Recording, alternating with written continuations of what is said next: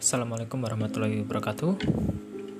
Today I will practice about F sound and we will start from chapter 5 review part. Here we go.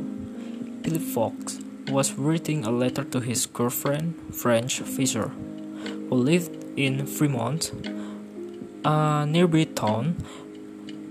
Philip wrote, telling French of his great affection for her he said that he would follow her everywhere.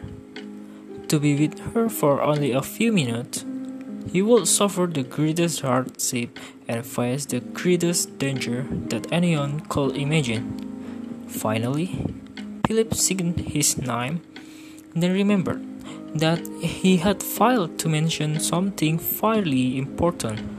So, in a postscript below his name, he added, by the way, I'll be over to see you on Friday afternoon at about 5 o'clock if it does not rain. That's all uh, my practice today. Thank you very much. Assalamualaikum warahmatullahi wabarakatuh.